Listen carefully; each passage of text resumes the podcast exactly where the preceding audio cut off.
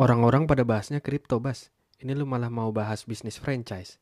Gimana mau trending ini podcastnya?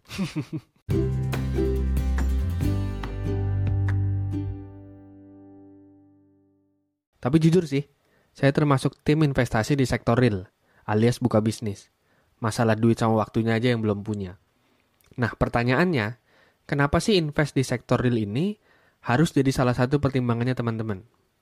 Kalau menurut saya, salah satu alasan utamanya ya karena kita bisa punya kendali yang lebih besar dibanding ketika kita invest di sektor lain. Ini kan bisnis sendiri gitu kan. Jadi kita sendiri juga decision makernya kita sendiri juga kontrolernya gitu ya. Kayak quote yang udah sering kita dengar juga. Bisnis, itu mau sekecil apa pun bisnisnya, ya kita sendiri bosnya. Dan quote itu ternyata nggak cuman buat perbandingan antara jadi entrepreneur atau karyawan aja.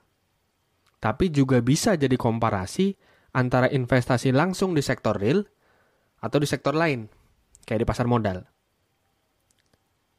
Nah, seperti tadi udah dibahas ya, ketika kita punya kendali langsung atas bisnis kita, berarti kita juga punya kendali langsung atas strategi bisnis.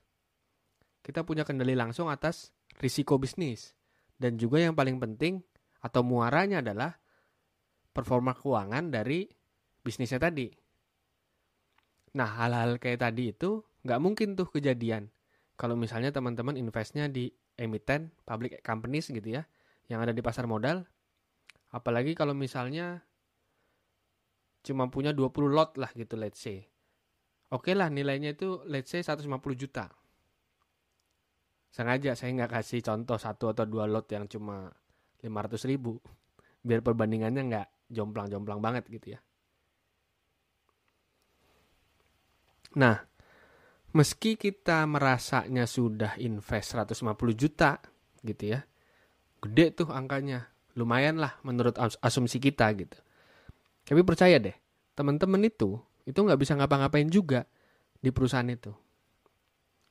Karena invest 150 juta di perusahaan dengan valuasi pasar ratusan miliar, bahkan sampai triliunan, 150 juta itu recehan.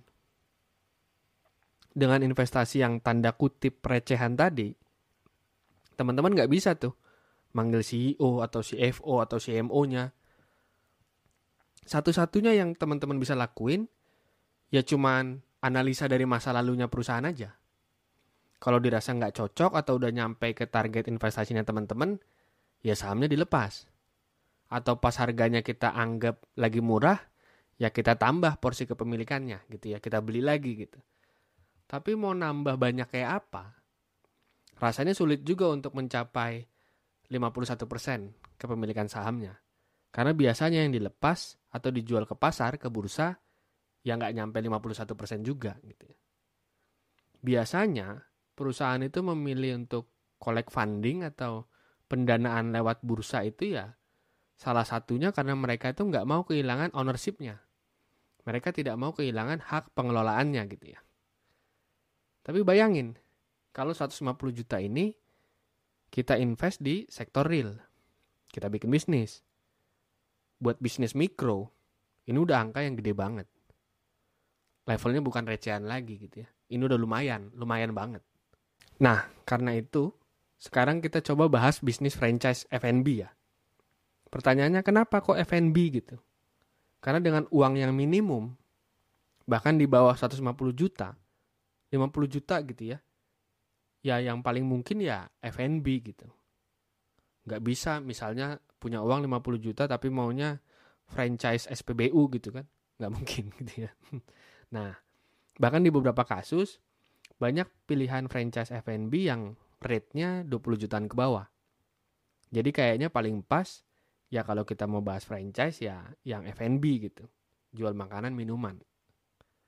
Nah, sekarang kita coba masuk ke pembahasan ya. Tapi disclaimer dulu, ini based on pengamatan saya. Kalau ada yang kurang-kurang, teman-teman bisa tolong tambahin di Instagram belajar bareng finance, at belajar bareng finance, biar nanti kita sama-sama belajar gitu ya. Nah balik lagi, ketika kita ngomongin prospek bisnis F&B, sekilas pandangan mata gitu ya, emang kayaknya masuk ke dalam bisnis ini tuh termasuk bisnis yang paling menjanjikan dibanding bisnis di sektor-sektor lain. Argumennya yang biasa dipakai itu gini. Semua orang kan butuh makan dan minum gitu ya. Argumennya begitu. Nah problemnya adalah argumennya sih nggak salah. Tapi juga nggak lengkap. Gini, betul kita sebagai manusia basic needs-nya adalah makan dan minum. Kebutuhan pokoknya adalah makan dan minum. Betul. Masalahnya, makanan dan minuman yang seperti apa? Kriterianya bagaimana gitu ya. Banyak kejadian, bisnis F&B itu modalnya hanya viral. Setelah viralnya selesai, selesai juga bisnisnya. Nggak ada kabarnya lagi. Dan yang parahnya lagi, yang jualan model bisnis franchise makanan atau minuman viral ini, satu, sebetulnya mereka itu tahu model bisnis mereka hanya akan bertahan selama hype-nya masih ada aja. Selama mereka masih viral gitu ya. Mereka sadar bahwa ini tuh bukan bisnis jangka panjang. Tapi mereka tetap jual franchise-nya. Pertanyaannya, kenapa kok gitu gitu ya? Kok jahat banget gitu ya? Karena sebetulnya model bisnis mereka adalah jualan paket franchise-nya aja. Sebetulnya mereka tuh cuman mau jual gerobaknya aja. Mereka cuman mau jual dekorasi tokonya aja. Jual jual bahan bakunya aja gitu. Mereka nggak peduli-peduli banget sama kelangsungan bisnis jangka panjang. Nah kemudian, jadi gimana cara identifikasinya? Gimana cara menilainya? Apakah franchiser ini emang niat buat growing bareng-bareng sama franchisee-nya? Sama kita gitu ya sebagai yang beli sistem bisnisnya atau enggak. Saya punya satu tips sih, yang menurut saya ini mandatori banget. Nah, tips itu dan juga tips-tips lainnya bakalan kita bahas di episode ngomongin franchise F&B jilid 2. Jangan lupa didengerin. Makan ikan pedak sama si Dinda.